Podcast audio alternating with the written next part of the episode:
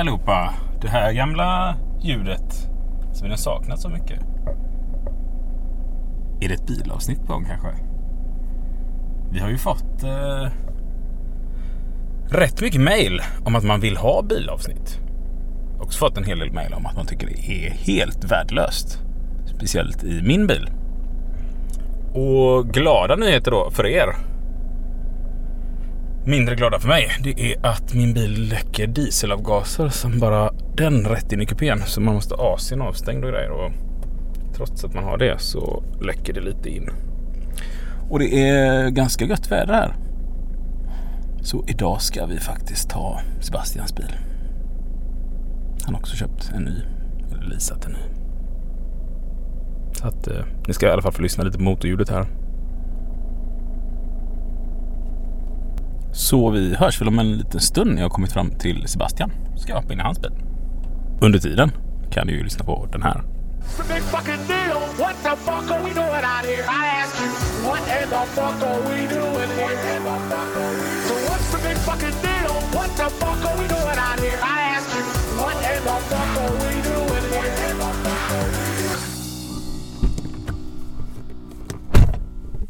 Hej Sebbe! Hur är läget? jo det är bra. Gött. Du är sen. Eh, nej. Du är Borsen. Sebastian Borsen. De här. kör vi. Ska du inte starta bilen innan vi åker? Jo men den är startad. Det är helt tyst. Ja jag vet. Jag kör inte smutsig diesel Isak. Nej, det är ju nämligen så att en av våra lyssnare swishade in 25 kronor till champagne och bilar. Och eh, för de 25 kronorna så har eh, Sebastian skaffat sig en elbil. Så, så, är det exakt. Det är vad de kostar egentligen. Många vet ju inte att det egentligen är så billigt. Det är det som är så löjligt med hela den här bränsledebatten som är just nu. Att för 25 kronor så Har du en elbil? kör du gratis Mm. resten av ditt liv. Men det är inte vad det här poddavsnitt... Nej, du leasar den här. Ja. För jättedyra pengar. Det är så jävla, jävla dum. Ehm, Men det, det kan vi ta en annan gång. Det kan vi ta en annan gång. ja. När man kan köra dieselavgasbil och dö i förtid. Mm. Är på väg till kyrkogård. Inte vilken kyrkogård som helst. Nej. Men det ska vi tala om sen. Ja. Vad det är för speciellt med den kyrkogården. Ja. Men att det ligger massa döda människor där. Hoppas jag att de är. Ja, jag har min gamle morfar liggandes där. Död. Förhoppningsvis så som du säger. Nej, man kanske inte ska skämta om Nej. döden. Jo, men jag tycker man ska skämta om döden och prata om döden. Det är jag viktigt. Tror vi gör alldeles för lite. Har jag berättat om när jag nästan fick jobb eh, på uh, kyrkogård? Nej. Nej, eller nästan fick jobb. Jag sökte aldrig jobbet men de eh, ville erbjuda mig jobb. Det var så att jag var ju vaktmästare inom Svenska kyrkan. En ganska dålig sådan. Och då hade jag ansvar för två stycken kyrkor var jag skulle då ta hand om den ena. Men det var ju knappt någon där eh, på den kyrkan för det var en sån liten mindre kyrka som, som, som knappt användes. Och då eh, struntade jag lite i liksom själva sysslorna på den andra kyrkan som inte användes. Förutom en dag där de liksom, min chef säger att nu kommer de högsta liksom, i, i, i, i kyrkan gällande lokaler och sånt. Så det är bra om det ser fint ut där nere. Ja, ja, för fan det, det gör det sa jag. Men jag kan även gå ner lite och kontrollera för säkerhets skull. Jag hade inte gjort någonting. Jag hade säkert inte klippt gräset på typ två månader. Där jag visste att det började liksom växa igen bland ja, stenarna och så. Så att när jag väl kommer dit så fick jag ju jobba röven av mig. Så när de väl kommer körande så, här, så, så tyckte de ju att jag var svinduktig för jag stod och klippte gräset, jag tog bort allt ogräs, satt med liksom en kniv och drog upp ogräs liksom eh, mellan eh, plattorna och så. Ehm, så de kom de fram till mig och sa Fan jag har aldrig sett någon som jobbar så som dig. Herregud vad du sliter och kämpar och så. Ja, ja det är, det är, det är mitt jobb. Det är klart man ska ta hand om, eh, om, om, om det här. Du, du vill inte jobba hos oss i, i, på kyrkogårdarna istället? Det är bara att skicka in ett CV så har du ett jobb. Ett grymt eh, karriärstips från Sebastian Borssén här. Eh, eh, ögontjänare brukar man kalla det tror jag. ja precis. Skit i det du är där för och eh, istället eh, gör det du vill. Och sen när du väl behöver så gör du det exakt det som krävs. Och eh, jag såg ett sånt tips i morse på någon sån här på Instagram eller något sånt där karriärstips och då stod det där när du är nyanställd gör aldrig bra ifrån dig utan successivt varje kvartal gör du saker lite bättre. Då tror de att du är, har en grym potential och utvecklas väldigt mycket och då har man bättre löneförhandlingsförmåner och sånt där. Eh, jag vet inte om det är så bra tips. Jag tror att ditt tips är bättre, gör ingenting och sen gör du allt på samma gång när chefen kommer. Ja. Men det är inte det vi ska prata om idag. Vi ska besöka den här kyrkogården för att eh, ja, men de har kört studiecirkel med samtlig personal. Mm. Så att eh, vi är alldeles strax framme så ska vi parkera här och så ska vi titta lite på kyrkogården så hörs vi om en stund. Ha det. Och då är vi på plats på norra Europas näst största kyrkogård. Var det så? Jajamän, stämmer. Med oss i studion så har vi Anders och Jenny. Vi tänkte vi börjar där. Anders, vem är du och vad har du för fackliga uppdrag? Ja, jag- jag är kyrkogårdsarbetare på den här kyrkogården. Och eh, jag är arbetsplatsombud och skyddsombud här eh, för skötselsidan. Och Jenny? Jag är säsongsarbetare här också på skötsel eh, och blev nyligen vald som arbetsplatsombud. Första säsongaren var vi vet som har Mm. varit eh, arbetsplatsombud. Men det är helt nytt. Och därifrån liksom börjar idén till det här avsnittet. Och det, det är för att vi har släppt ett avsnitt och så någon gång så var det någon av er, eller båda två tror jag, som skrev till oss. Och eh, ni har kört en studiecirkel på arbetsplatsen och utifrån det tänkte vi att men det här är ju intressant. Liksom, hur kan vi jobba med studiecirklar och faktiskt ta ett riktigt exempel ifrån arbetsplatserna? Vad det har lett till. Vi pratar ju väldigt mycket om att få igång facklig verksamhet på arbetsplatsen och engagera alla, inte bara de förtroendevalda. Så det tänkte vi och sen dök det upp att du är säsongsarbetare och dessutom ett fackligt uppdrag som säsongsarbetare så tyckte vi att det är också väldigt intressant att titta på för att jag tror att du skrev till oss tidigt, kan ni inte göra ett avsnitt om säsongsarbetare? Ja, det kanske jag gjorde. Det tror jag. Och Långt då, innan. då Ja. tittar jag och Sebastian på varandra, vad fan vet vi om detta? Ingenting, vi har inte riktigt det i våra avtal. Det är någon form av visstid. Någon form av visstid. Så tänkte vi så här, nu gör vi ett sånt avsnitt och du Gött. får hålla i det. Ja, vilken ära. Så får du berätta lite förutsättningar för hur detta går till och eh, vad det är man gör. Och så dessutom då har du ett fackligt uppdrag på detta. Så utifrån det tänkte vi att eh, det känns jättekul att vara här. Och vi har varit och tjuvtittat lite på kyrkogården här och inser att det är en väldigt stor kyrkogård och otroligt fin kyrkogård. Jag brukar inte besöka kyrkogårdar så ofta men eh, vi såg ganska många som var ute och promenerade på kyrkogården. Ja, men det är väldigt mycket liv på kyrkogården, vilket gör det till en väldigt speciell arbetsplats för oss. Det är inte bara en parkmiljö, för det är ju trädgårdsskötsel som vi sysslar med om dagarna. Men det är väldigt mycket människor som rör sig här, både som är i sorg och som motionerar, rastar hundar, åker skateboard, Solar. solar, hånglar på en duk någonstans. Allt kan hända här. Ja, verkligen. Men det, det är en fin kyrkogård och ganska bergig också om man Mm. åker upp en Mm. bit i den och sådär och ganska häftiga vyer därifrån. Ja, verkligen. Man ser hela stan eh, uppifrån utsikten. Det är också massa gamla husgrunder och sånt från liksom tidigt 1900-tal, sent 1800 och sånt. Ja, Den har ju byggts ut under väldigt lång tid, så det är ju väldigt olika liksom, miljöer på olika ställen. Väldigt fint eh, att se hur det har förändrats, eller olika liksom, eh, kulturmiljöaspekter eh, av det hela. Ja, min släkt är ju från östra Göteborg ursprungligen, så de ligger nog här ute. Ja. Och mina ligger på andra sidan stan. Faktiskt eh, ligger en väldigt känd bankerånare begravd, Bildesjön Bengtsson, har ni hört talas om han? Ja, absolut. Ja, han ligger här, omärkt grav dock. Tror att den blev stulen, eh, gravstenen, faktiskt.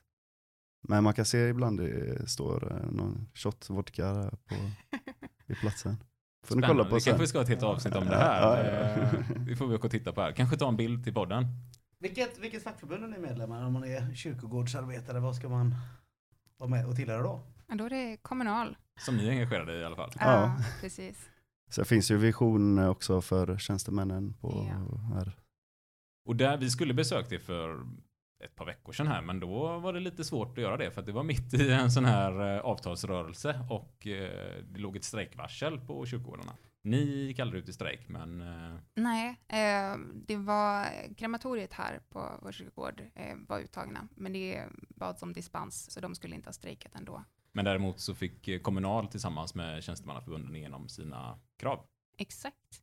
Det började ju varslas om att präster och sådär också skulle gå ut i strejk. För det var ju främst oss kyrkogårdsarbetare, vaktmästare, lokalvårdare som avtalet skulle försämras för. Vad gör man dagligen nu då på, när man arbetar som ni gör? Ni är också kollegor som jobbar med, det är inte ni som gräver ner folk har jag förstått. Nej, det är eget grävarlag liksom. Kallar man dem för dödgrävare? Det kan man göra om man vill. absolut. Vågar bjuda i podden då? Ja, absolut. Ja. Det, är- det bär de stolt tror jag.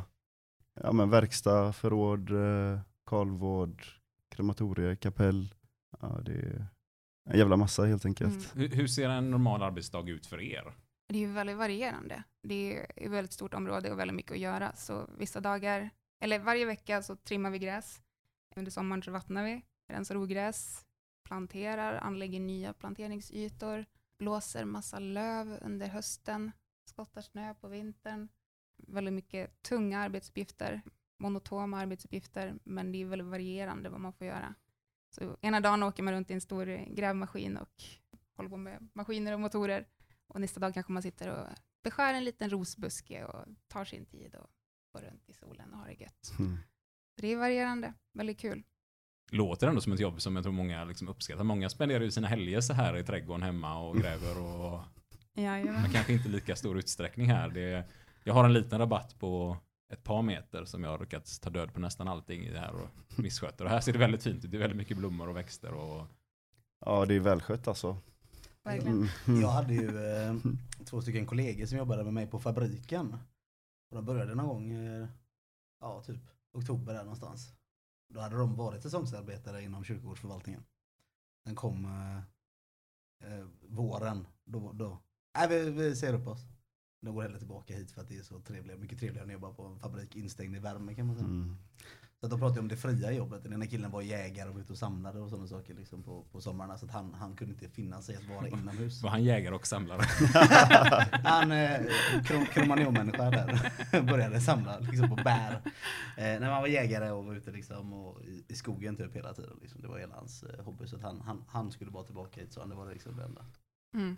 Men det är ju en arbetsplats som väldigt många trivs på. Jag vet att det finns en del kortsäsongare som kommer bara under sommarmånaderna som har andra jobb, men så kommer de hit för att det är nästan lite som att ha semester. Eh, man är van vid att sitta inne på kontor, så komma ut och ta hand om växter.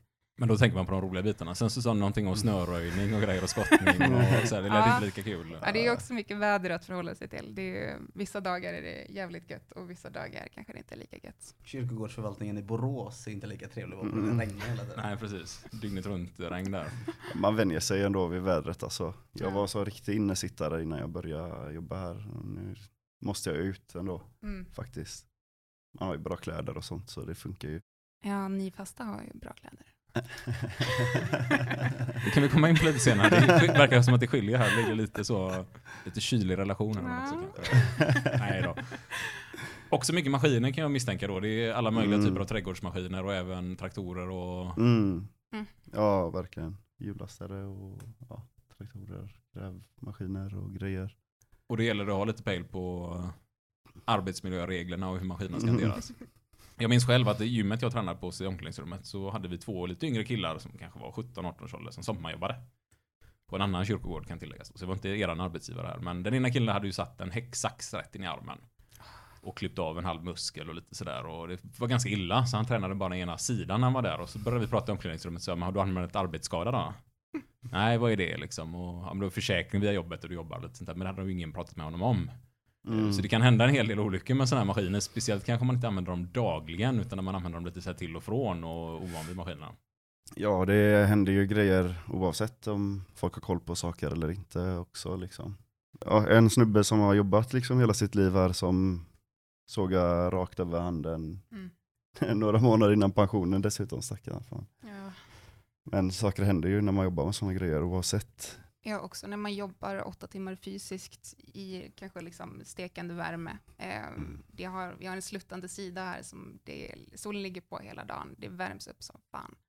Och jobbar man liksom där hela dagen, man blir matt i huvudet och det blir större risk för att man slarvar eller liksom att man eh, tappar lite fokus. Så det är ju mycket risker för skador, även om man har koll på hur man ska göra. Mycket maskiner då som kanske går på bensin och el också misstänker jag som man ändå står i och andas. Ja, det har vi ju, men det finns en plan att gå över, eh, alltså fasa ut eh, i princip alla bensindrivna små maskiner till el då liksom.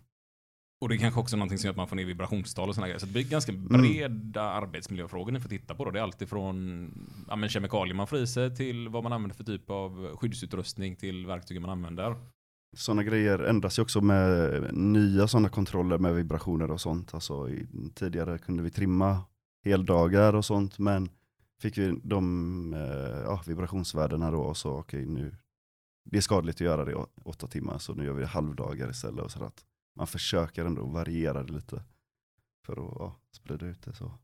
Men det blir jätteintressant att se, för min första tanke var så här, ja, men jobba på en kyrkogård, man fixar lite gräset och klipper och sådär. Så börjar man inse att det är ju hur mycket som helst. Så börjar man tänka på sig själv när man är hemma och sliter i sin lilla trädgård och tycker det är görjobbigt ibland och solen värmer på och man gräver och gräver. Det är rätt tungt arbete ändå, så alla maskiner man har. Eh, det blir ganska mycket maskiner snittpersoner har hemma och här måste ni ha väldigt mycket mer avancerade och ordentliga grejer tänker jag. Ja det är ju lite industri, eh, alltså mer industri än att påta liksom lite. Man klipper gräset hemma på en timme, hur lång tid tar det att klippa en hel, hela gräset här? Ja, vi är väl typ tio i ett lag eh, under sommaren och så kör man eh, en fjärdedel av området på en, fyra timmar och sen så är vi tre lag. Det tar två dagar för oss att göra halva, eller ja, nu vet jag inte, nu pratar jag utifrån hur det är i mitt lag, men eh, ja, det tar väldigt lång tid. Och sen har vi ju åkergräsklippare som kör runt hela veckorna. Så det är alltid massa brummande på kyrkogården. Mm. det är inte tyst. Passar ni för den sista vilan? Ja, precis. Får lys- lyssna på en uh, gammal tvåtakts gräsklippare här eh, resten av livet, eller döden, eller hur det nu blir.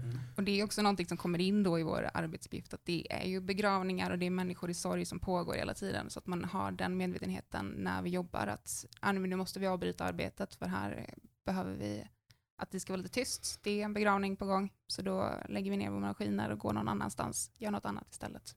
Och det känns nog ganska skönt för de som är här och faktiskt har en begravning, att man inte Ja. står och kör bredvid dem när de står och sörjer liksom. Visst. Ni nämnde också det innan, att det, det händer att man faktiskt pratar rätt mycket med de som är här och besöker och att många kommer och öppnar upp sig och liksom kanske inte har haft så många att tala om precis, eh, speciellt nu under coronaepidemin här så ni sa att det, det finns ändå fortfarande möjlighet som anställd att man faktiskt kan stanna upp och prata lite med folk. Hur kan det se ut? Vi möter ju människor i sorg och det har vi möjlighet att göra när vi står och vattnar eller vad vi nu kan hitta på att göra. Att det kommer fram någon och att man finns där. Antingen att man kan bara prata om vad som helst, dela minnen. Eh, man får höra mycket livshistorier, men också ja, men det kanske är någon som är lite missnöjd med någonting och då ska man bemöta det. Det är ju väldigt känsligt när det handlar om en, en nära som har dött och vi tar hand om gravskötseln där. Mm. Så att man, ja, det är ju mer än bara trädgårdsskötsel. Det är en helt annan plats än en vanlig park som man måste ha med sig i arbetet. Hur många är ni i ert arbetslag här nu ungefär? Då, som, för ni, för ni har kört lite studiecirkel på egentligen eh, arbetsrätt kan man väl säga. Facklig Mm. organisering. Vi är tre lag eh, och det varierar ju under eh, året hur många vi är i varje lag. Vi har, var det 20 fastanställda? 30? Ja, man ska vara sex eh, fasta varje lag kanske. Ja. Utelaget har två extra då. Mm. Och sen i april kommer det in tre till fyra nya säsongsanställda då i varje lag. Och sen vid sommaren i, i juni kommer det in ja, men kanske fyra, fem till i varje lag. Så det varierar ju hela tiden hur många vi är och vilka vi är. Eh, många kommer tillbaks varje år om man får. Men ibland kommer det in helt nytt folk. Så det är en väldigt varierande arbetsplats med väldigt många kollegor. Mm. Och, Som, och ni sa att ni båda två varit säsongare. Du är fortfarande Jenny och Anders, du började som säsongare Mm, mm. från starten. Är det så de flesta kommer in på arbetsplatsen också, via att man har varit säsongare innan? Ja det är det. Det är absolut vanligast. Det blir ju ganska fördelaktigt för alla egentligen. Man får ja, lära känna varandra. Liksom, funkar det, funkar det inte? Eller. Så ja, de flesta rekryteras utifrån säsongerna. Helt klart. Men den här studiecirkeln är vi ju nyfikna här på nu. Hur, hur kom det igång? Liksom, vad, vad gjorde ni för att komma igång med en studiecirkel? Hur fick ni liksom engagerat era kollegor till att faktiskt börja lära sig om arbetsrätt? Alltså det hela började ju med att jag hamnade i lite strul. Det var ett fall av diskriminering skulle man kunna säga. Där jag blev, eh, nej men kände mig väldigt utsatt och ensam på något vis och fick väl tips om att jag skulle kontakta ett fackligt ombud på arbetsplatsen. Vilket jag inte gjorde, men Anders kom och hittade mig istället. Och jag fick eh, väldigt fint stöd och massa hjälp. Och på det viset hittade jag facket, för jag visste inte vad facket var för ett år sedan. Så då kände jag lite så här, fan vilken grej, det här kanske är det finaste som hänt mig, den stöttningen som jag faktiskt fick. Eh, så jag ville på något vis tacka för det och jag tänkte vad kan jag göra, liksom vad skulle vara det finaste sättet att tacka Anders för den hjälpen jag fick. Jag tänkte, ja men jag måste ju lära mig om facket. Så då började jag lyssna på er podd, för Anders hade typ en liten affisch där på anslagstavlan. Lyssna på den hela sommaren. Sen kände jag, det här är rätt, nu har jag hittat min grej, det här vill jag engagera mig i. Och eh, jag tänkte då, ja men eh, hur lär man sig någonting? Man lär sig kanske inte, eller jag lär mig inte bäst av att lyssna, utan jag behöver själv få läsa, jag behöver skriva, jag behöver diskutera. Så jag började prata på rasterna och kände väl att jag var lite jobbig. Jag snackar facket hela tiden. Men då var det en av våra kollegor, Victoria, som eh, sa jag, jag vill också sätta mig in i det här, kan vi inte göra det tillsammans? Så det var hennes idé då att vi skulle ha en studiecirkel och jag nappade på det. Så då körde vi igång. Och vi snackade lite med Anders där då, hur ska vi lägga upp, hur kan man göra? Men eh, ja, då var vi på gång liksom. Så startade det igång egentligen då. Ja. Och hur många var ni som var med i den här studiecirkeln? Ja, det var lite svårt. Det första problemet vi hade var att vi hade delade rasttider eftersom det var Mm. corona. Så vi hade många i Anders lag som var intresserade, som hade rast en annan tid än oss. Så det var lite sådär, hur ska vi lösa det? Så i början hade vi två studiecirklar som pågick samtidigt, eller då på olika rasttider. Men sen efter en månad så kunde vi ha rast tillsammans och då var vi allihop. Men det varierade lite. Eh, men totalt är det väl 15 som har deltagit. Alla var inte med alla gånger. Jag vet att en del som har deltagit och lyssnat. Jag har ju satt upp lappar om vad vi ska prata om i veckan. Tipsat om podden då, det här avsnittet kommer vi lyssna på, den här lagtexten eller den här afsen kommer vi gå igenom. Och då är det en del som har gjort det kanske, men inte snackat sen på liksom studiecirkeln. Och vissa kanske inte har lyssnat eller läst, men suttit med och snackat ändå. Så det är ju, själva idén var att det skulle vara väldigt fritt att lägga liksom, sitt deltagande på vilken nivå man själv hade lust med. Och som Anders sa, att vi har ju en väldigt liksom, eh, tur som eh, jobbar som vi gör med att vi går runt och trimmar en hel dag.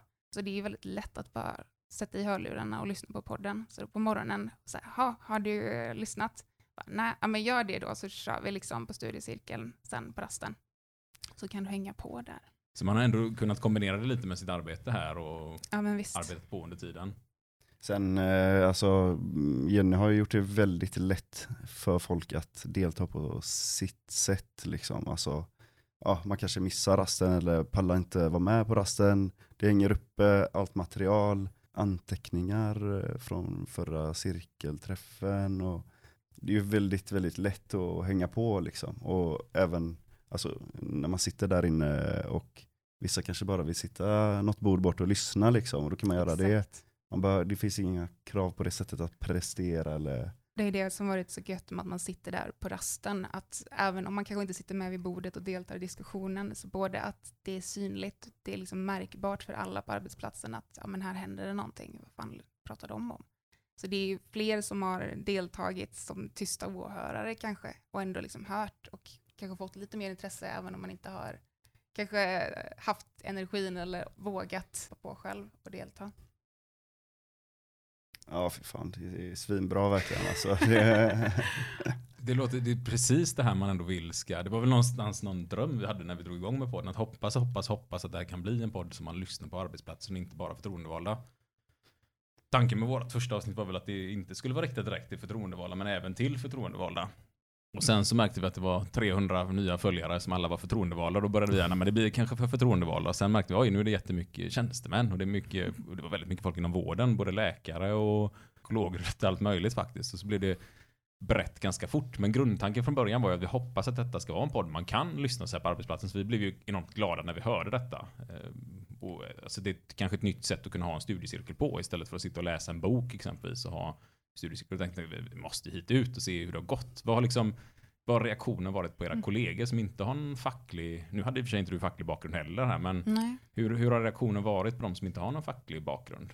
Vad har hänt med dem? folk snackar om sådana här frågor liksom på ett helt mer naturligt sätt. Eller jag kan ändå haja till lite att någon person som jag kanske inte har hört prata om sin arbetsmiljö innan gör det liksom.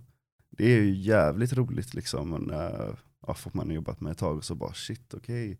Alltså folk är nog intresserade, eller folk är ju det liksom. Det är klart, det handlar ju om ens liv och ja, ens arbetsliv och ens hälsa och alltså allting liksom. Så det, det kanske har tagit bort tabut lite med att prata om sådana här frågor. Man kanske är lite nojig annars eller hur kommer det här påverka mig om jag håller på och tjatar om det här liksom. Ja, jag tror på något vis att jag kom in lite som en underdog i och med att jag är eh, näst yngst på arbetsplatsen. Jag är säsongsanställd, jag, är liksom, eh, jag har inte mycket fördelar hierarkiskt sett från början. Kvinnligt kodad, icke-binär, queer.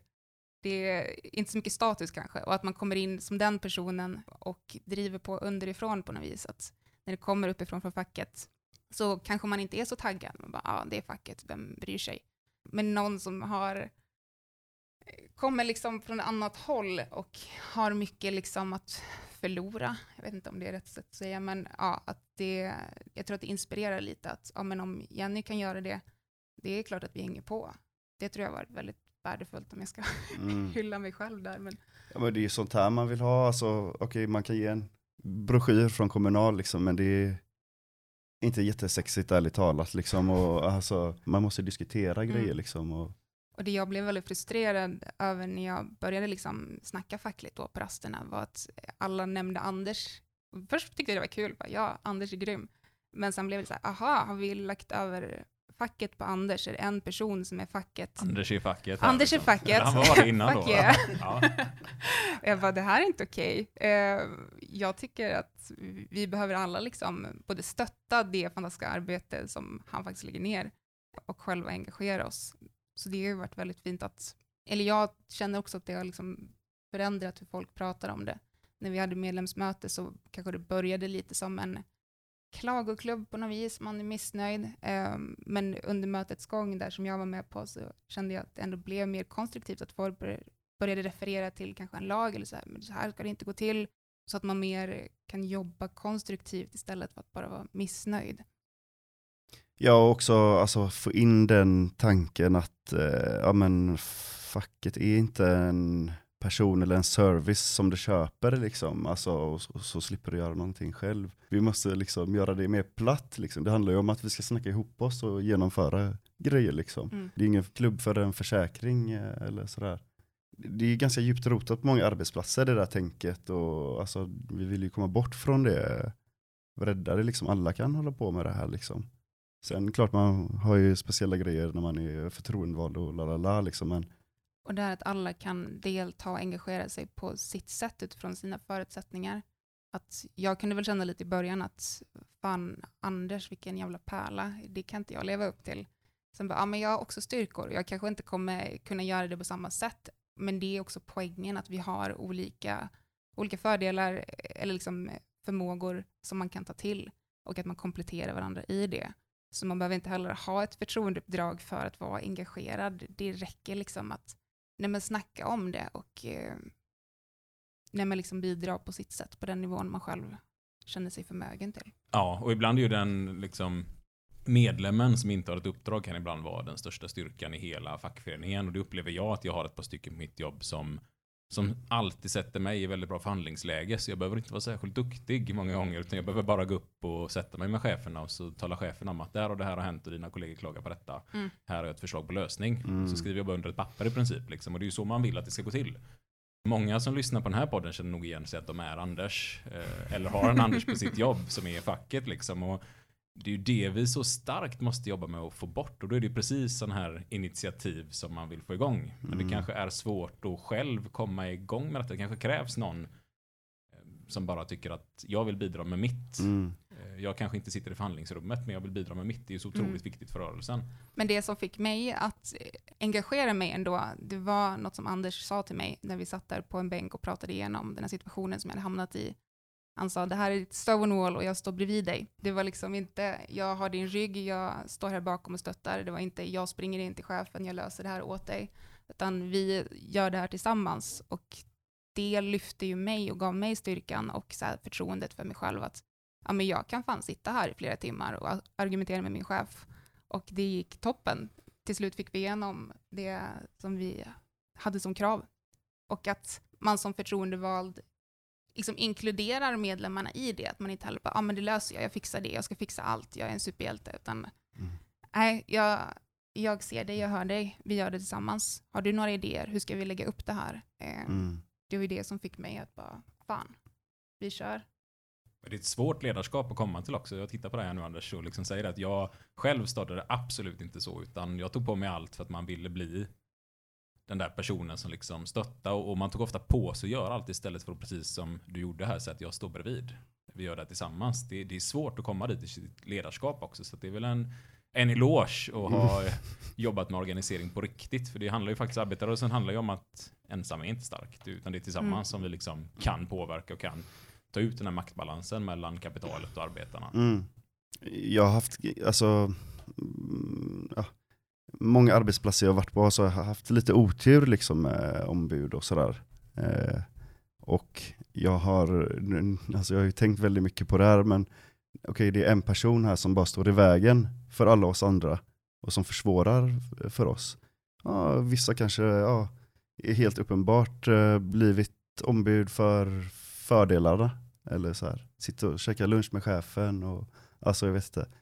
Det, har ju märkt mig lite också, bara, alltså, också just hur farligt det är att lägga allting på en person liksom. Det, man kan ha tur, det kanske är en jättebra person men den personen är inte likadan om tre år kanske eller ja, det, det, det, det blir skört liksom. Ja, det kan ju räcka att man blir påkörd efter jobbet så finns man inte kvar. Ja, men, vi alltid tala på eller- våra kurser liksom, att imorgon kanske ni är döda så att idag måste ni hitta er ersättare liksom, Mm. så att man inte bygger upp allt på en person. Och innan här, förr och innan jag började så, ja men fackets starke man här i kyrkan, lalala, alltså, eh, gjorde mycket bra tydligen, fick mycket, ja men lite Göran Johansson-figur kan man säga. Eh, Med allt vad det innebär. Sen nu är han chef liksom. Och allt det som de drev igenom, vad, vad hände med det? Ja. Och för lyssnarna som inte vet vem Göran Johansson är så Sebastian, ska du lite kortfattat eh, Kommunstyrelsens ordförande i Göteborg här under flera år blev känd som Göteborgs starke man för att i Göteborg hade man 10% över rikssnittet för Socialdemokraterna. Han var socialdemokrat, han var fackföreningsledare för SKF i flera år. Och mitt enda minne av Göran Johansson var att varje år så skar man ner skolan i den stadsdelsnämnden där jag växte upp och då åkte man in till ett stort torg i Göteborg och så skrek man Göran, Göran, vad gör han? Hela skolan förstör han. Och då slapp man mattelektionerna om man gjorde detta. Så att det, jag tyckte ju om den här Göran då måste jag säga för att jag missade många mattelektioner på grund av detta. Bra för det från Majorna. Fantastiskt att höra ändå. Ja, jag har ju andra mycket mer positiva bilder av Göran. Att han ändå så brydde sig om staden så pass mycket att han gick runt och plockade fimpar liksom på Brunnsparken och så. För att det ska inte vara en nerskräpande stad. Och så, exempelvis. Men nu pratar vi inte mer om Göran. Alltså, det var bara så ni uppe i. Stockholm och nere i Malmö och uppe i Haparanda ska hänga med på vem, vem är den här Göran de pratar om. Men jag tänkte på det som du sa också med att liksom kratta manegen. Eh, Jag har varit eh, engagerad i lite så här hyreskrig på min gata. Ja, men som klassisk renovräkningsprocess helt enkelt. Och eh, alltså, då, då har vi haft väldigt mycket det tänket att ja, men vi ska bråka så mycket det bara går liksom, för att ge våra förhandlare ett så fördelaktigt läge som möjligt. Liksom. Eh, och det hjälper ju. Det hjälper ju liksom och ha en jävla massa bråkiga människor som lever rövare. Och så bara för den förhandlaren, ja, det hjälper Det liksom. blir ett lättare läge för den som Mm. förhandlar att komma fram till något konkret och visa att nu är det jag som för talan och kan, vi kan sitta och komma överens om någonting bra här. Men kommer Mm. vi inte överens så kommer det ju bli stökigt. För det är ju Ja. hela fackföreningen egentligen bygger på. Att blir vi inte överens om något, men då kommer det ju bli strejker och konflikter.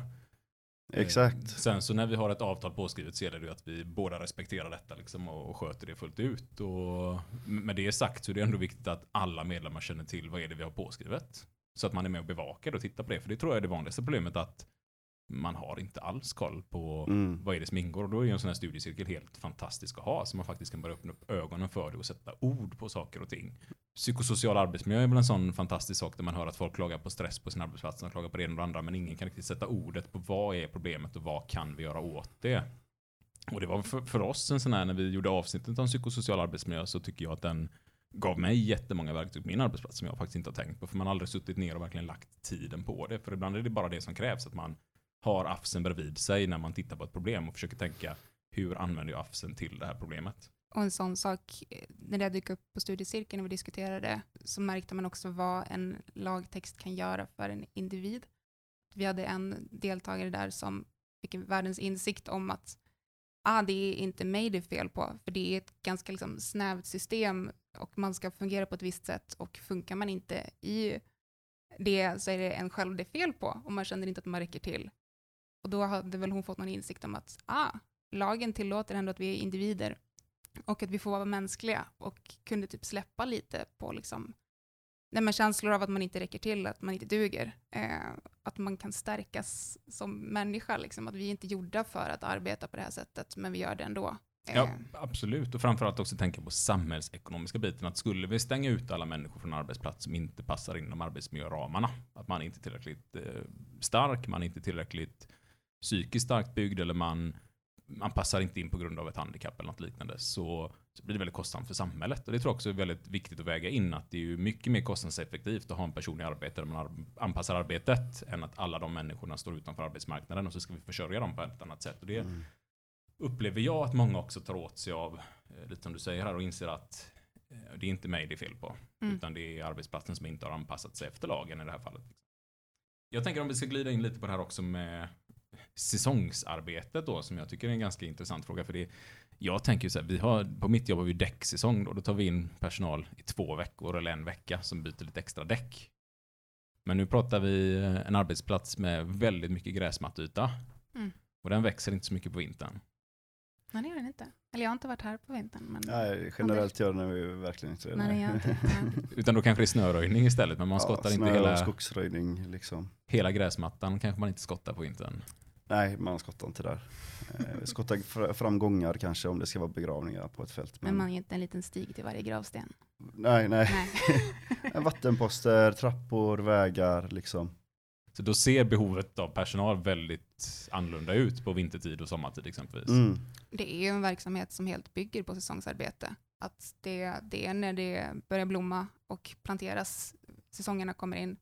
Och nej men, ibland när man pratar om lite så här säsongernas villkor så får man lite den här attityden att ja, men säsongerna är här för att de fasta ska ha semester.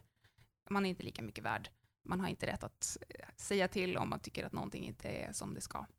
Eh, men det stämmer ju inte. För vi är ju här för att arbetet behövs, inte för att ni ska vara lediga. Sorry Anders, men jag är inte här för att du ska ha semester. Men, men ni ser det ändå som en självklarhet att vi ska liksom ha, man ska ha det här i ert avtal. Det ska vara möjligt att ha säsongsanställningar. Alltså, man föredrar ju fler fasta liksom. Men eh, Jag läste om någon kyrkogård i Skåne tror jag som hade helt fått bort säsongsanställning. Eh, och det var de väldigt stolta över. Men jag vet inte riktigt hur det skulle se ut. Eh, hur det funkar. Och vi är ju en väldigt stor kyrkogård. Eh, det kanske var någon liten kyrkogård sådär. Eh, där det mer var möjligt att genomföra. Men det är ju det är också ett system som utnyttjas lite. Att vi har tid, eh, eller vi är anställda april till oktober. Men sen är det ju många som får förlängt. Vissa jobbar kanske 11 månader om året, men har fortfarande liksom en visstidsanställning då. Så man lever ju mycket på hoppet om att få förlängning och att man ska få komma tillbaka nästa år. Så det är ju liksom ett arbete som nej men folk vill ha. Vi trivs väldigt bra här. Och då blir man också väldigt tacksam över att man får vara här och kanske inte nej men vågar riktigt säga till om det inte är som man vill ha det. När saker inte går rätt till. Vilket också kan få negativa konsekvenser både för arbetsplatsen man jobbar på och samhället om man skadar sig och det drar på sig extra kostnader och sådär. Så att det, det är viktigt både ur ett samhällsperspektiv för arbetsgivaren och för den som arbetar givetvis att man har samma rättigheter även om man inte har samma anställningsvillkor i grund och Mm. botten. Men det kan vara väldigt, alltså, man är ju en väldigt eh, utsatt position som säsongare liksom. Alltså, ja men börjar man kanske klaga så kanske man inte får komma tillbaka nästa år. Sen behöver inte det vara den officiella anledningen till varför det blir så, men man är ju alltid, eh, det är ju det man alltid riskerar liksom. Men om man pratar lite så regler och, och villkor och så, har man någon form av rätt att komma tillbaka eller förtur att komma tillbaka eller är det som en ren visstid egentligen? Att, eh, som, som kanske jag och Isak kanske har sett mer utav i våran, våra branscher. Eller hur funkar det rent konkret avtalsmässigt att vara säsongare? Alltså många är ju lasade liksom, då har de ju förtur till att komma tillbaka. Jag tänkte så här, jag var inne och tjuvläste lite på Kommunals hemsida. Fast jag är inte medlem i Kommunal här. Eh, men då skriver de lite om vad är det som gäller vid säsongsanställning.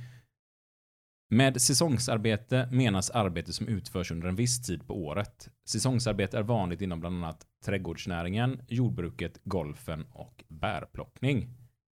En säsongsanställning gäller mellan två bestämda tidpunkter. Anställningen upphör när säsongen tar slut. Och där nämnde du att säsongen kan vara, hur såg den ut hos er? Ja, det är april till oktober. Så Det är en relativt lång säsong. Mm. Och du då som är inne på, vad gör du efter den perioden? Ja, vad gör jag? Tidigare har jag jobbat kort säsong och då har jag pluggat under resten av året. Eh, första året som långsäsongare var förra året. Eh, och då, jag pluggade en kvällskurs på universitetet, så jag kunde inte få någon a-kassa, eh, vilket gjorde att jag tog ett jobb som julgransförsäljare. Och sen har jag pluggat konflikthantering under våren nu. Och det var också en sån här grej med att Alliansen tog bort det här studerandevillkoret. Så att då har du ingen möjlighet heller att gå på a-kassa under tiden som du studerar om man nu hoppar på någon strökurs. Och det kanske är svårt att gå en längre utbildning om man säsongsarbetar också. Ja, precis. För då är det hoppa på de här korta och så är det gå utan inkomst. Ja, precis. Jag fortsätter så här. För säsongsanställningar på minst tre månader ska arbetsgivaren senast en vecka innan säsongen tar slut meddela att säsongsanställningen tar slut. En säsongsanställning kan avslutas i förtid. Då gäller en månads uppsägningstid, såvida inte gällande kollektivavtal och andra uppsägningstider. Uppsägningstiden måste vara skriftlig och ha saklig grund, arbetsbrist eller personliga skäl. Hur ser det ut med era säsongare här, eller övriga, vi kan väl ta, som, som jobbar på kyrkogårdar i allmänhet? Brukar man få gå klart sina, eller är det vanligt att man avslutar dem i förtid? Nej, det är jätteovanligt skulle jag säga. Eh, Och, alltså, eh, man kan ju köta ihop sig med eh, arbetsgivaren om ja, många vill sluta i förtid för att de kanske ja, kommer in på en utbildning eller någonting. Liksom. Men så ofrivilligt eh, har inte jag hört om särskilt många fall i alla fall. Men det är ju lite speciellt också det här med säsong, för då tänker jag att det utgår från eh, årstiden. Och det Mm. gör det ju inte heller att eh, det, alla år ser ju olika ut. När jag slutade förra hösten så löven hade ju inte fallit klart från träden.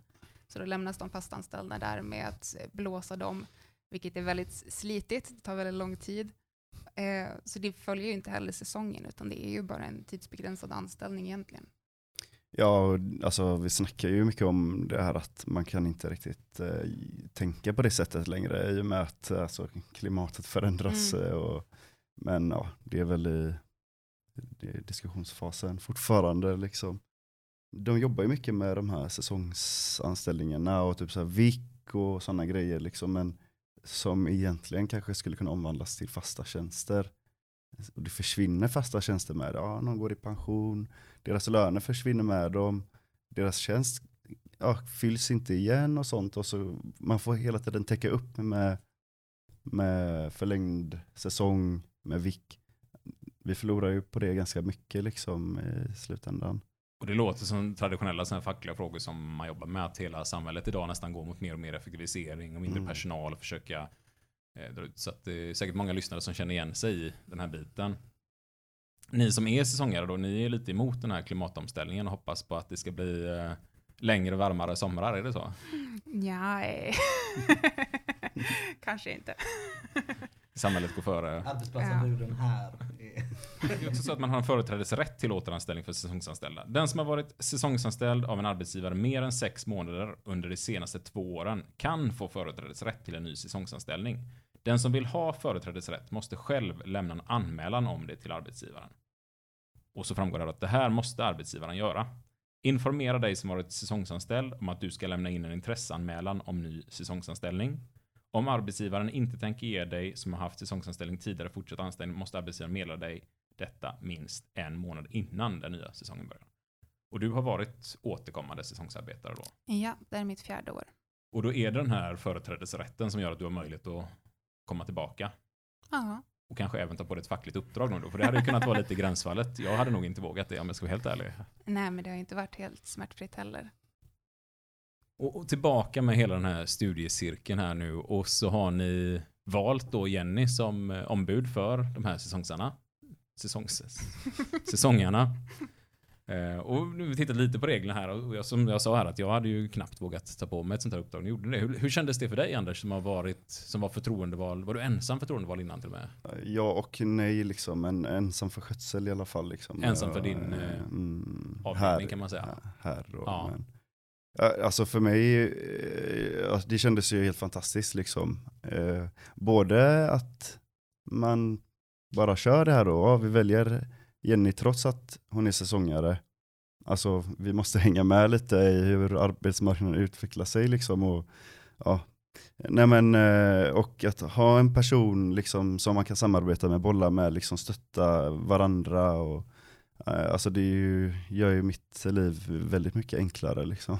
Det är väldigt kul nu tycker jag för att vi har börjat få igång ett samarbete mellan kyrkogårdarna. Att vi eh, har mer kontakt i planen. Vi har lite planer på att starta en- med eh, ett medlemsblad eh, som ska gå nu ut till alla kyrkogårdar. Som kvasten.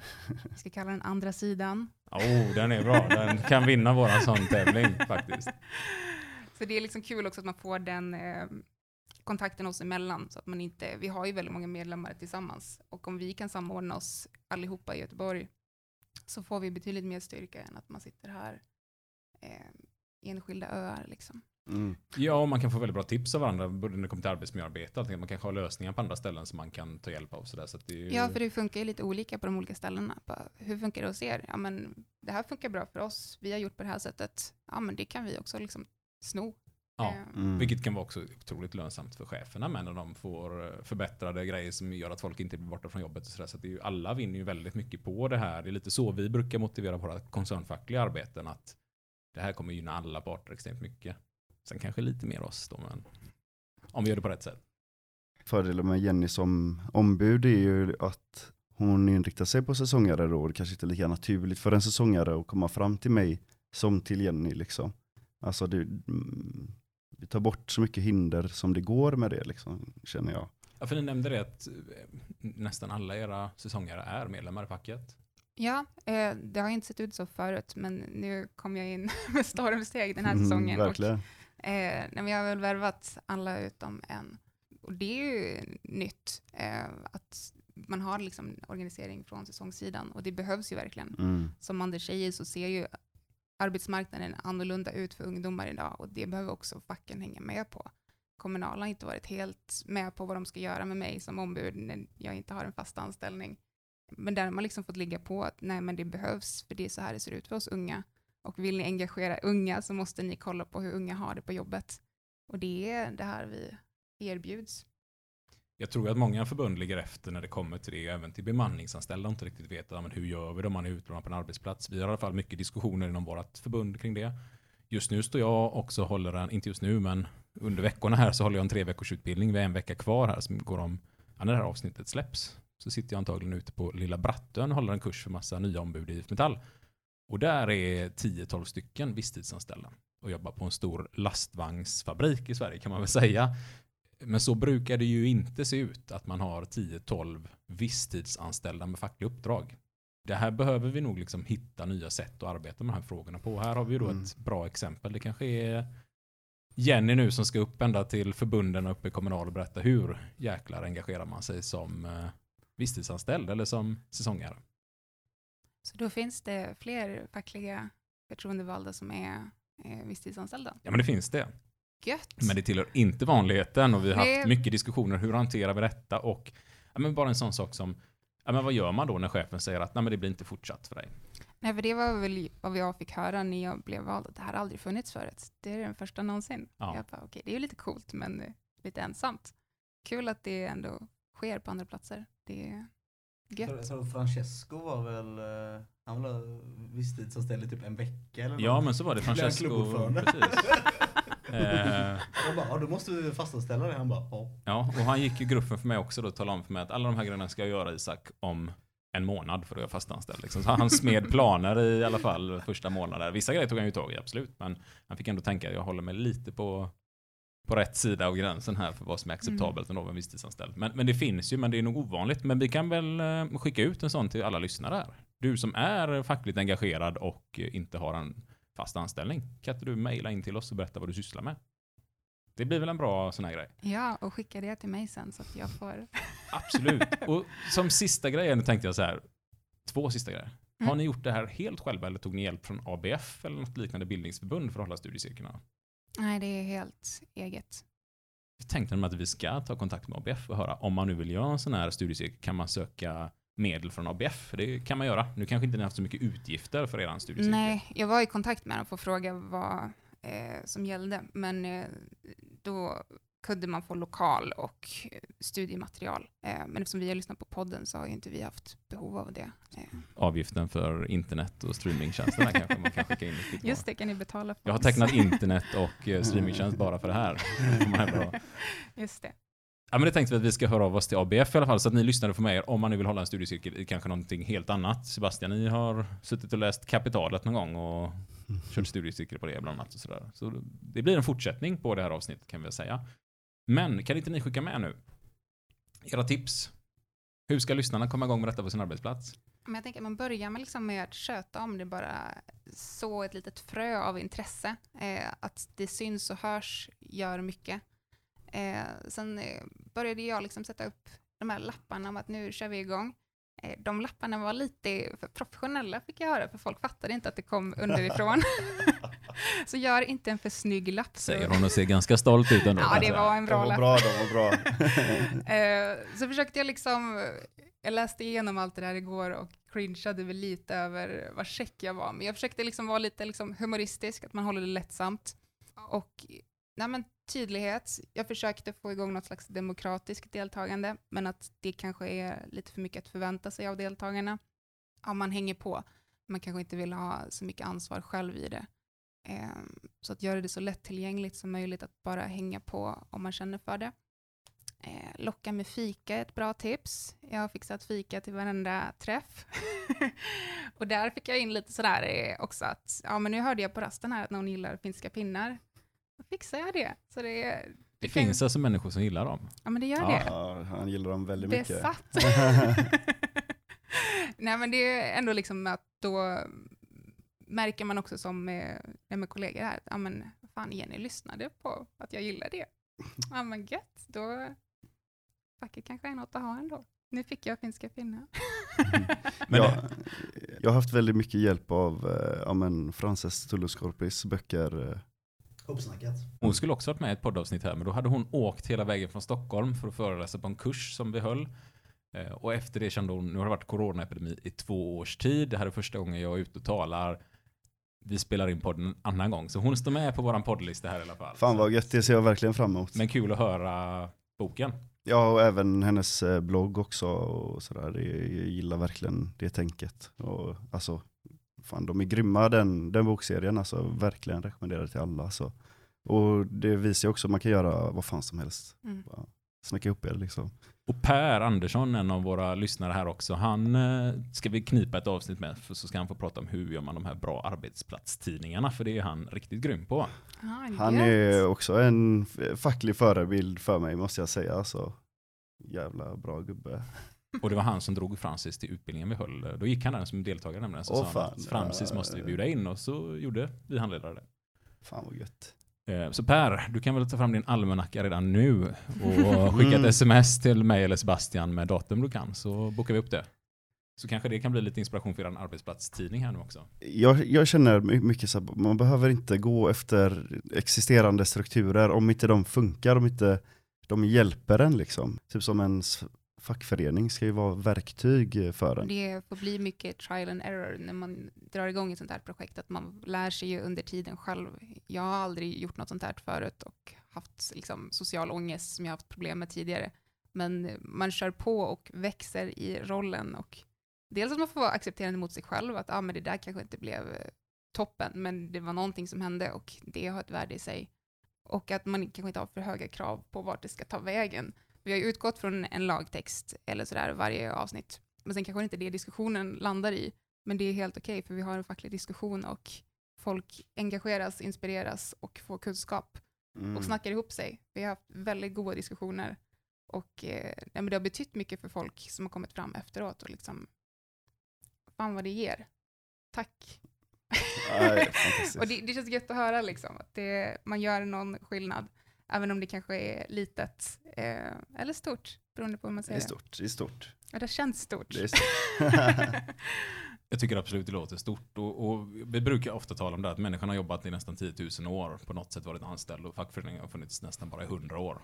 Eh, Så att det är klart att vi måste utveckla och omvärdera och testa nya grejer hela tiden. Mm. Och då tycker jag det här är ett klockrent exempel som jag hoppas att lyssnarna kan ta med sig och dra igång på sin arbetsplats. Jag med. Jag vill skicka, eller vi vill skicka ett eh, jättestort tack till att ni ville vara med i podden. Ja, det jättekul att man fick vara med. Om Mm. lyssnarna nu vill ha komma i kontakt med er så gör man det via Fuck you podcast eh, hemsida jag på att säga, men eh, fuck you podcast at gmail.com precis. Så kan vi hänvisa dem vidare till er ifall man vill komma i kontakt med er och fråga hur gick ni tillväga, vad har ni gjort om ni har fler tips ge. Mm. Absolut. Vill ni skicka med lyssnarna någonting? Ja, men kör en studiecirkel. Det är himla kul. Tur att vi spelar inte avsnitt om det precis. Stort tack ska ni ha. Tack så mycket. Tack. Tillbaka till bilen. Han har precis varit på kyrkogården här nu och det verkar som att din tumme har blivit helt besatt. Vad som händer? Ja, jag, jag har låst sig någon nerv eller något tror jag. Ja nu skulle du starta då. Du ser inte lyssnarna där, Du, så- nej precis men du, fick, du skulle starta liksom inspelningen och så hände någonting med din tumme vilket gjorde att den bara började, Röra sig fram och tillbaka, upp och ner av sig själv. ja. Så nu spelar vi in med min högerhand där istället som håller micken. Mm. Istället för vänsterhanden. Vet inte om ni låter någon skillnad? Då kan ni mejla till eh, fuckyoupodcast gmail.com Hörde ni skillnad på inspelning med höger eller vänster hand? Vad kan man göra mer på den mejladressen? eh, Man kan mejla alla typer av frågor. Nej, det kan man inte. Man kan relevanta men- frågor men- som men- har med... Man kan fråga hur, hur gör man det bästa liksom eh, kokta ägget? Svarar du på det Isak? Ja. Eh, Man kan fråga, jag behöver veta, jag har, köpt, jag, ska, jag har sålt min lägenhet, hur gör jag den bästa Jag dekorationen? håller på att spika upp en koja till barnen i trä, räcker det med en tum spik? Det är bara, Isak svarar på det så jag, jag rekommenderar starkt att göra det. Det räcker med en tum spik. Så då slipper de mejla om det. Slipper de mejla om den frågan. Ja. Jätteinspirerande att sitta där och prata med de här eh, idag alltså. Ja, och har ni frågor eller så idéer och vill komma i kontakt eh, med hur de gick tillväga lite mer på djupet så mejla inte podden så hänvisar vi er vidare till Anders och Jenny. Mm. Eh, nej men sjukt inspirerande. Jag bara känner så här att åh, vad jag önskar att eh, vi drog igång med detta på vårat jobb. Mm. Så känns det här, är vi för stort på vårat jobb? Men vi kanske börja en grupp. Så det är en liten arbetsgrupp. Och nu vet jag att vi faktiskt har två våra verkstäder som har lyssnat på podden alla... Nu börjar din bil sjunga och grejer Ja. Eh, som har lyssnat på alla avsnitt i verkstaden tillsammans och ändå liksom smådiskuterat om. Och det, det har blivit en jätteskillnad. Vi hade årsmöte nu och man kunde vara med digitalt eller fysiskt och då får man åka ganska långt för vissa. Folk som har lyssnat på dem åkte ju in dit fast de kunde vara med digitalt. Liksom. Nej, vi vill vara i rummet. Så det är klart att det gör enormt stor skillnad. Ja, Jag blev väldigt rörd och hur fint de pratar om varandra. Liksom, jag, man hör Jenny prata om att eh, de kände att de fick stöd utav Anders och kände att nej men jag måste hjälpa Anders och det gör jag bäst genom att lära mig de här frågorna själv. Eh, och likadant hur de pratade liksom och gav varandra stöd och support. Det kändes, det kändes väldigt fint eh, faktiskt. Att höra det här. Jag tror vi börjar hitta tillbaka till den här typen av organisering och utgå från att vi måste organisera oss som att det fortfarande är 1880 liksom. Mm. Vi, en som är inte stark fast vi har förtroendemannalagen och medbestämmandelagen och allt det här så tror jag vi ändå ska försöka organisera oss på samma sätt som förr. Att man pratar med alla, involverar alla. Gör det starkt. Sen så tror jag vi ibland skönar vi nog historien också rätt rejält. Det var kanske inte så jävla bra överallt va men men ändå ha det tänket att vi, vi behöver organisera oss på rätt sätt. Mm. Ja, men det är väldigt spännande liksom och speciellt hur de tar, tar, tar sin historia vidare. Vad, vad liksom gör de nu? Speciellt då jag tänker på, på, på Jennys eh, verksamhet. Hur hon i praktiken får starta om den varje säsong. och ändå ta på sig ett fackligt uppdrag. Och nu kommer det en sportbil som låter ute på helvete här ute. Dra ner rutan Sebastian. Det kunde man inte göra. Det kunde inte här riktigt göra med den här nya bilen. Fickparkering är ingenting man Fickparkering är ingenting man gör i en sportbil. Men eh, Det här är jätteintressant folk att höra på. Det är ingen som tycker det är kul av våra lyssnare. Kanske någon som är så här Inte heller bilintresserad. är kul egentligen. Nej, inte jag heller. Jag vet inte varför vi gör detta om jag ska vara helt ärlig. Jag tycker det är... Nu vet ju alla vad jag kör för bil. Lite bortslösade pengar. helt annat. Men det finns lyssnare som tycker det är jättekul och intressant också. Mm. Försvann vi lite. Så här bra är vi på att hålla fokus efter eh, en hel arbetsdag. Ja. Något övrigt du vill skicka med till lyssnarna förutom allt det här? Nej, alltså det, det är verkligen bara, det finns Alltså tänk, tänk på det som, som, som de faktiskt pratar om att facket är bara ett verktyg eh, som man kan använda i organisering Men funkar det inte så pröva allt som kan vara liksom möjligt att funka på just er arbetsplats Och testa nya grejer som vi var inne på här under avsnittet. Testa något helt jäkla nytt som ingen har testat innan. Inte för att det är nytt med studiecirklar, det är nytt med liksom att prata med folk men, men Det kanske är nytt för arbetsplatsen, Precis, nytt för er avdelning eller vad det kan vara. Så försök att bryta trender där man känner att det inte fungerar. Mm. Testa och testa igen. Ibland säger folk så här, ja men det har vi redan gjort, det gick inte hem. Och om man hade fått en krona varje gång som någon har sagt det och så har man testat det igen och så har det funkat den gången. Hade man säkert haft kanske, ja, 20 spänn i alla fall jag tror mer, kanske 90, 80-90 kronor. 89 kronor, ja Och det hade täckt upp lunchen vi precis käkade här nu. Ja det hade det Så att det är inte illa. Det, fall. det är inte illa, så kämpa på där ute. Ja. Vad förminskande det här blev nu. Nej men kämpa på, tryck på saker, prova igen för i himmelska fridens dag. mm. Med de orden så avslutar vi dagens Man ska också säga man kan bli medlem, eh, föreningsmedlem. Och vi har varit väldigt dåliga på att skicka ut det här dokumentet med att man kan bli föreningsmedlem. Ska vi... Eh, Jim säger att vi får aldrig lova saker för vi håller inte allt vi lovar. Eh, men ska vi lova att vi ska lägga ut den så att man kan komma åt det dokumentet i alla fall ifall man vill lämna in till sin förening och säga så här nu nu fackförbund nu tycker jag vi går in med lite cash till gänget så att de faktiskt kan åka runt lite mer i landet. Inte bara alltid intervjua folk på kyrkogårdar i Göteborg eller i närområdet. Mm, Vi vill också att de ska åka liksom till Kungsbacka? Ja, eller Kungälv, Ja, eller Kungälv, Lerum, Lerum, Partille. Öarna. Öarna. För guds skull, glöm inte det. det Det ska vi göra tänker jag snart. Ja om vi nu ska intervjua Per om arbetsplatstidningar som vi pratar om här då måste vi kanske ta oss ut eller så tar vi han i Göteborg, han åker ändå in vi, tar ju, vi tar ju tillfället i akt och får njuta lite skärgård. Ja. Ja. Fast det är norra skärgården är väl, Jo, södra är lite så, men det får man inte säga högt nej inte i podd.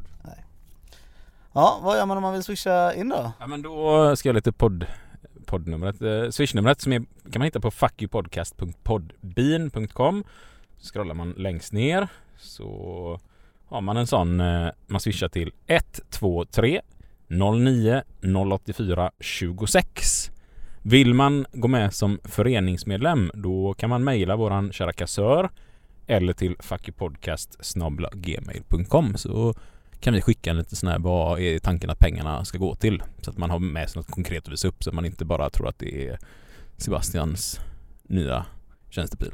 Här har ingen tjänstebil, Nej, det är ingen tjänstebil. Nej. Privatleasing. privatleasing Visst har det bra? Följ oss, dela Så säger vi så Ja.